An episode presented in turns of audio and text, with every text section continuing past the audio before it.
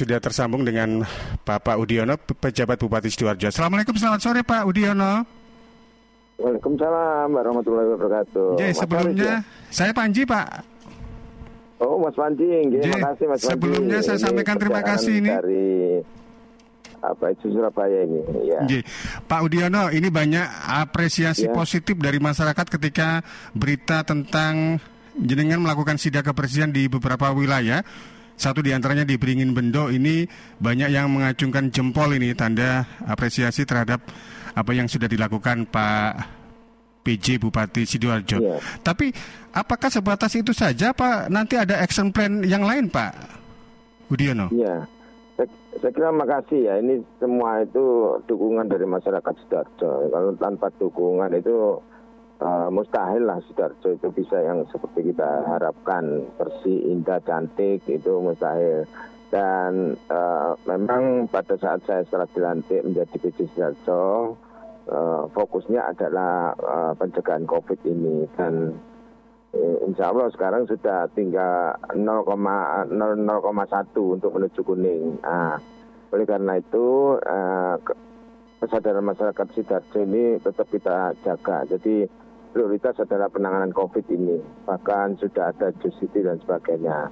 Nah, berkaitan dengan kebersihan, keindahan, ini kan uh, merupakan uh, ya kewajiban kita lah selaku umat beragama untuk tidak bersih dalam apa dan saya kira sesuatu yang kita lewati, sesuatu yang ke, kita lihat kalau indah itu kan menjadi imun, menjadi kekuatan.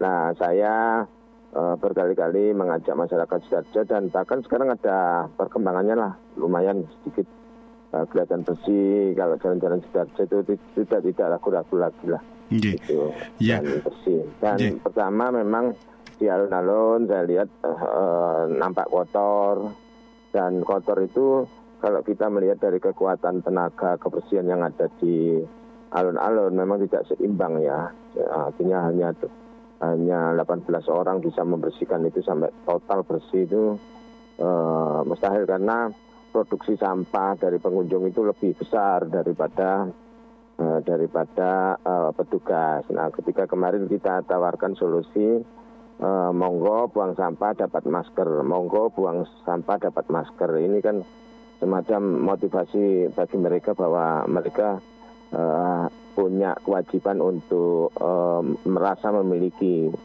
alun-alun itu. Kalau tidak merasa memiliki, saya kira tenaga berapapun itu uh, sudah tetap kotor. Nah kemarin uh, kita usahakan nanti di wilayah Sidoarjo kita revitalisasi tahun 2021 agar lebih indah dipandang, kemudian warga bisa menikmati karena satu-satunya tempat di Sidoarjo itu yang terbesar ada di situ untuk taman. Nah, itu nanti kita maksimalkan, kita optimalkan untuk revitalisasi. Kemudian yang sekarang jangka pendek itu kita rawat saja. Rawatnya bagaimana? Ya tentu kita minta ada perubahan-perubahan dari masyarakat Sidoarjo. Oleh karena itu kemarin sungguh luar biasa, teman-teman eh, hampir 85 persen itu anak-anak sekolah yang hadir, mulai dari TK, SD, SMP, SMA, SMK, dan mereka ketika orang tuanya mengajak untuk bersih-bersih mereka juga mau. Nah ini edukasi yang edukasi yang sesungguhnya praktek pendidikan yang sesungguhnya ya seperti itu.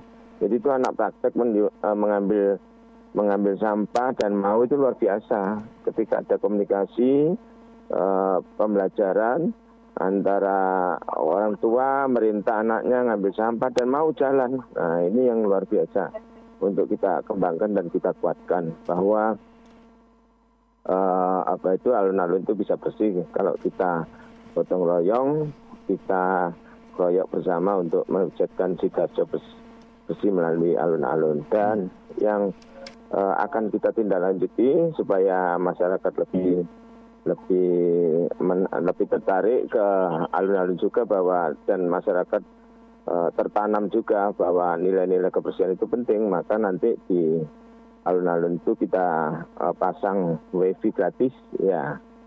Wifi gratis karena Sidoarjo itu kan uh, sudah memiliki jaringan kuat dan terbesar nanti bisa dimanfaatkan oleh masyarakat itu ya intinya gitu. Dan nanti di situ kita akan pasang wifi gratis dan bagi pengunjung yang mengambil sampahnya ketika makan, membuang di tempat sampah, kemudian dia bawa, bawa makanan dari luar, terus kemudian diambil lagi, kita retas kresek baru mereka kita beri akses kode wifi seperti itu. Nji, Pak, Ini salah satu upaya memotivasi mereka kan gitu. Nji, Pak Udiono tanpa kita nafikan sering kali masyarakat sidoarjo itu kan sering kali juga membandingkan memperbandingkan dengan Surabaya ya. Kita tahu bahwasanya mobilitas warga sidoarjo itu kan kadang ke Surabaya, warga Surabaya ada yang ke sidoarjo.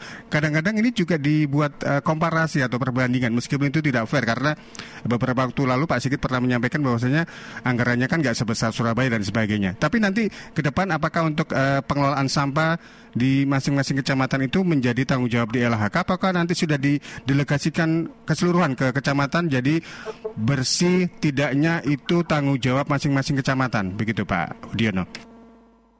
Iya. E, membandingkan itu baik itu jadi salah satu upaya kita untuk menuju perubahan menuju inovasi ya harus ada perbandingan kalau tidak ada perbandingan ya nanti kita tidak akan ada niatan untuk berubah, untuk baik, berubah baik, berubah untuk lebih mempertahankan yang sudah baik, memperbarui ada yang yang sudah lama kan gitu. Nah eh, konsepnya ya benar mas, jadi tetap eh, bagaimana pelayanan kebersihan itu harus tanggung jawab di tingkat desa dan kecamatan.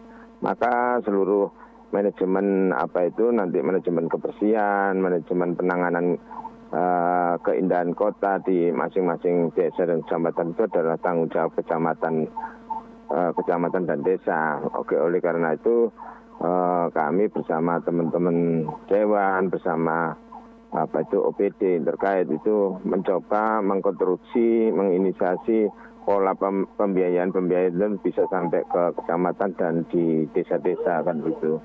Jadi ada otonomi penanganan kan gitu. Baik, Pak Udiono ini juga saya ya. sampaikan uh, masukan dan juga komentar dari sahabat suara sidoarjo yang sudah diposting di sosial media kami Pak ya barangkali ini juga bisa menjadikan yeah, masukan yeah. untuk pihak Pemkap di antaranya yeah, yeah, yeah. Uh, untuk arah Simo angin-angin ke arah Cangkring Turi di situ banyak sampah mohon diperhatikan kemudian Taman Pinang yeah. Indah juga mohon diperhatikan karena di sana sampah berserakan PKL juga bikin macet. Lalu juga ada yang ada di kawasan jembatan daerah perempatan Wonoayu juga mohon diperhatikan karena sungai ini juga menjadi tempat untuk melempar sampah untuk oknum-oknum masyarakat yang pingin simpelnya saja. Mungkin ini juga jadi eh, bahan masukan untuk uh, sahabat-sahabat di PMK ini Pak Hudiono. Ya saya terima kasih ya pada masyarakat yang sudah melapor karena sebagian besar yang dilaporkan ke Pemkap Sidoarjo itu sudah kalau yang setahu saya, yang setahu saya yang uh, saya ketika saya mendapat sebagai PJ, hampir semua tetanggaan itu te, te, ada solusinya. Kemarin tempat sampah di situ kita panggil perusahaannya, dia harus ikut bertanggung jawab pada kebersihan lingkungannya. Terus kemudian akan kita pasang CCTV di situ kemudian mobil untuk angkutan sampah yang di kecamatan kita optimalkan. Hal-hal seperti itu terjadi komunikasi karena memang berkat laporan warga. Nanti kalau ada laporan lagi, nanti kita maksimalkan untuk penanganannya. Jadi ya terima kasih warga yang selama ini membangun uh, komunikasi bersama. Tetapi yang uh, lebih penting nanti ketika pemerintah sudah atau Pemkap sudah berusaha untuk Uh, membuat peraturan, kemudian mem memasang apa itu uh, CCTV dan kemudian kita sudah berusaha untuk membersihkan tapi jangan ditambah lagi dengan produksi-produksi sampah yang yang yang saya kira itu hanya tergantung dari kesadaran masyarakat. Menumbuhkan kesadaran itu perlu perlu reward dan sanksi ya. Kalau sudah gitu ya sanksi kita kuatkan aja ya. Kalau sudah ditulisi bahwa di sini kalau buang sampah di sini denda kok berani-beraninya dia buat seperti itu. Nanti kalau uh, kita berikan sanksi yang tegas ya mereka bisa memahami karena memang tidak mudah untuk memberikan kesadaran pada masyarakat itu tanpa diberikan sanksi kan gitu. Iya, iya. Boleh dibilang malu kalau uh, budaya kita yang sering kotor ini akan mencederai uh, penghargaan yang pernah didapatkan Kabupaten Sidoarjo iya, mendapatkan penghargaan Adipura Kencana begitu ya Pak Udiono ya. Iya, Baik. iya betul. Pak Udiono, betul, terakhir betul, ini betul. harapan dan juga himbauannya kepada masyarakat dan juga aparatur terkait dengan kebersihan di wilayah kita, tanggung jawab kita sebenarnya tidak hanya melulu soal uh, tanggung jawab pemerintah tapi kita juga sebagai masyarakat ini apa ini Pak Udiono? Monggo.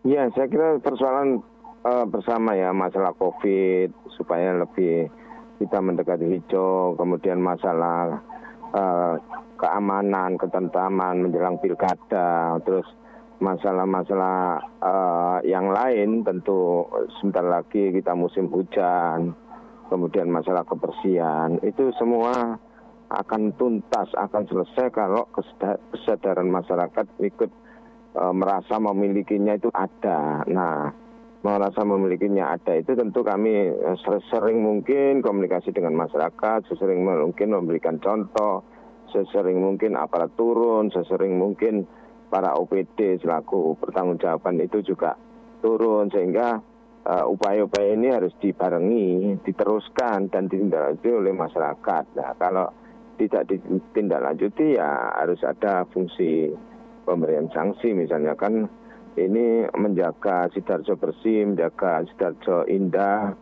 sidarjo aman, sidarjo tentam, sidarjo sejahtera.